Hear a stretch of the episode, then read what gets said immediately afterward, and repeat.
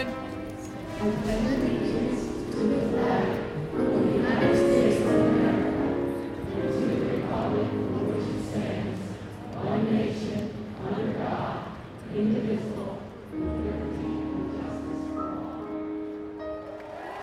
Sirkuset, Clinton, Trump og tidenes valgkamp av Are Togoflaten.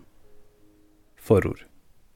Reklamestrategien hadde åpenbart seg allerede i den replikanske nominasjonskampen. Han skulle framstilles som en utilregnelig mann. Den søte, fregnte lille jenta satt i en hvit sommerkjole i en blomstereng. Hun plukket kronbladene av en tusenfrydblomst. Hun dro ut bladene én etter én og talte til ti så godt hun kunne. En metallisk mannsstemme startet nedtellingen til null. Bildet ble zoomet helt inn i den høyre pupillen hennes. Skjermen gikk i svart, og atombommen gikk av. Det er dette som står på spill, sa president Lyndon B. Johnson. Vi må enten elske hverandre, eller så må vi dø. En mørk mannsstemme avsluttet reklamen. Stem på president Johnson den 3. november. On November 3rd, Det står for mye på spill til at du kan holde deg hjemme. Den republikanske utfordreren Barry Goldwaters navn ble ikke nevnt i den ikoniske Days-reklamen fra 1964. Men det var heller ikke nødvendig. Seerne hadde fått med seg Goldwaters tidligere uttalelser om villigheten til å bruke atomvåpen, gjentatt og fremhevet av demokrater så vel som hans republikanske motstandere i nominasjonskampen. Det var midt under den kalde krigen, og budskapet fra Johnson-kampanjen var klart. Du kan ikke ta sjansen på hva en mann som Goldwater kan komme til å gjøre i en verden som dette. 52 år senere deltok jenta fra det ikoniske klippet i en ny reklamefilm. Denne gangen het trusselen Donald Trump. Hun talte på vegne av den tidligere Goldwater-tilhengeren Hillary Rodham. Stem på Hillary Clinton den 8. november, sa Monique Corsilius Louise. Det står for mye på spill til at du kan holde deg hjemme. Dette er en bok om den demokratiske og den republikanske nominasjonskampen, og om presidentvalget som kulminerte med valget av Donald Trump som USAs 45. president. Det er en skildring av det omreisende valgkampsirkuset fra begynnelse til slutt, slik jeg opplevde det. Jeg fulgte etter vinnerne og taperne i leiebil gjennom 29 delstater, og lot som jeg hørte hjemme i det amerikanske pressekorpset.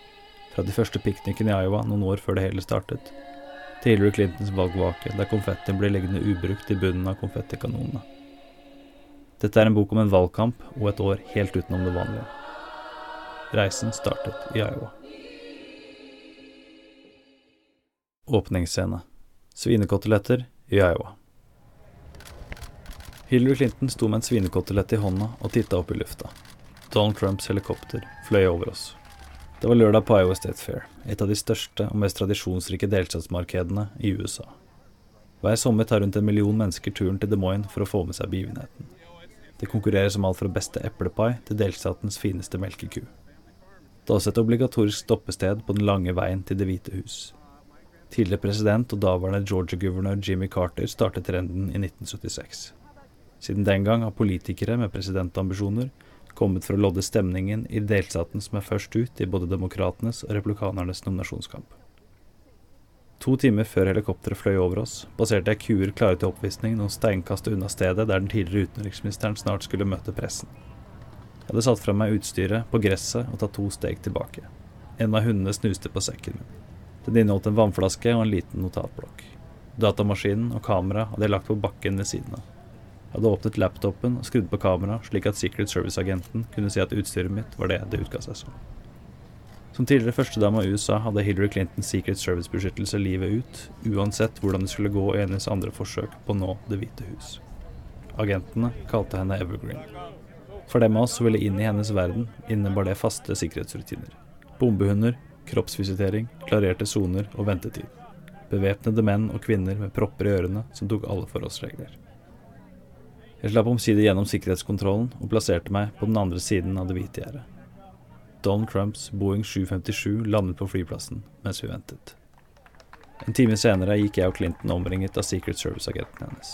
Jeg holdt følge med den tidligere Iowa-senatoren Tom Harkin, som nettopp hadde gitt henne sin støtteerklæring. Harkin hadde prøvd seg som presidentkandidat i 1992, men kunne vunnet hjemstaten. I 2014 bestemte han seg for å trekke seg tilbake etter 40 år i Washington. Clinton har erfaringen og verdiene som skal til for å få ting gjort som president, fortalte han mens vi prøvde å holde følge med demokratenes største forhåndsfavoritt i moderne tid. Vi var omgitt av håpefulle blikk og utstrakte hender som prøvde å nå Clinton. Fedre hadde løftet døtrene sine opp på skuldrene sine, så du kunne få et blikk av det som kunne bli USAs første kvinnelige president. Clinton stoppet innimellom for å ta selfies, og noen fikk også noen ord med den tidligere New York-senatoren. Å, jeg bare må spørre deg, begynte en av damene som fikk Hillary i tale. Hvordan føles det å være bestemor? Clinton hadde hilst henne som en gammel venn med begge hender. To mikrofoner hang i lufta over oss, og vi var omringet av fotografer og kameramenn. Før du blir det, høres det fantastisk ut, sa Clinton, med høyrehånda på kvinnens skulder. Men så skjer det faktisk, og det er det beste som kan skje deg. Damen tok ordet igjen. Jeg pleide alltid å si, alle disse bestemødrene, de gir så mye ut av det. Jeg skjønte aldri helt hvorfor, helt til jeg selv ble en, og da blir man verre enn alle andre. Jeg vet, sa Clinton. Bill og jeg er helt gærne, vi tar det altfor langt. Så var samtalen over, og kandidaten beveget seg videre i solsteken. Jeg lot som jeg hørte hjemme, og fulgte et par meter bak Clinton, som limt på en av rådgiverne hennes. Han slapp henne ikke mange meterne foran seg. Vi ble loset gjennom et smilende folkehav. Folk roper 'Hillary' fra alle kanter. Idet vi ble sluset opp trappene og inn i landbruksbygningen, fikk jeg et lite innblikk i hvordan det var å befinne seg på innsiden av Hillarys boble. Vi møttes av et blitsregn fra trappen opp til galleriet, og fra galleriet over oss både på høyre og venstre side. Vi passerte den legendariske smørkua, ei ku av smør i full størrelse som lages i delstatsmarkedet hvert år, og Clinton smilte fortsatt. Ute i sola igjen beveget vi oss sakte, men sikkert mot matboden som solgte de saftige svinekotelettene. Hillary Clintons rådgivere hadde med andre ord planlagt at hun skulle ta del i et velkjent ritual. Hun skulle få seg en svinekotelett på pinne, og deretter spise den med glede foran fotografene. Det er en av de mange surrealistiske scenene på veien til Det hvite hus. Så fløy helikopteret til Donald Trump over oss. Han var selv på vei til delstatsmarkedet i en golfbil mens barna til støttespillere ble fløyet i helikoptre over området. Clinton myste opp som alle andre og tok noen jafs av koteletten. Hun steg deretter inn i en svart SUV som tok henne direkte til privatflyet. Hun var på øya Martha's Vineyard senere samme dag, langt unna de vanlige amerikanerne hun måtte overbevise for å bli USAs 45. president. Kaoset rundt mannen i den røde capsen minnet om det Clinton opplevde noen timer tidligere. 'Make America Great Again' sto det i hvite blokkbokstaver i pannen hans. Han hadde lånt slagordet fra Ronald Reagan, men kuttet ut ordet 'Let's'. Capsene ble solgt for 25 dollar på donjtrump.com. Jeg fulgte eiendomsmogulen og reality-kjendisen, klemt mellom sikkerhetsvaktene hans. De hadde små hvite Trump-pins på jakkeslagene. Noen måneder senere tok Secret Service over. De kalte ham Mogul. Også her satt små barn på skuldrene til foreldrene sine for å se bedre. Over skulderen til Trump møtte jeg øynene som søkte hans, store og fulle av entusiasme over å være i superkjendisens nærvær. Bak meg hadde det dannet seg en lang kø av folk som prøvde å presse seg fram.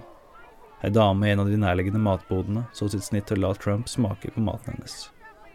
Hun prøvde å sno seg forbi Corey Lewandowski, valgkampmanageren til Trump. Han betraktet henne med et lite smil om munnen. Hun holdt en hvit papptallerken foran seg.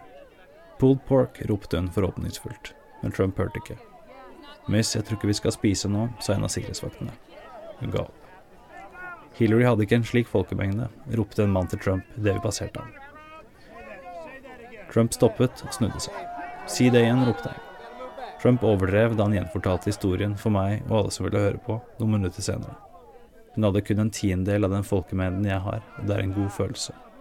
Ti ganger flere folk enn Hillary. Du vet det er sant, la han til. Det var det ikke.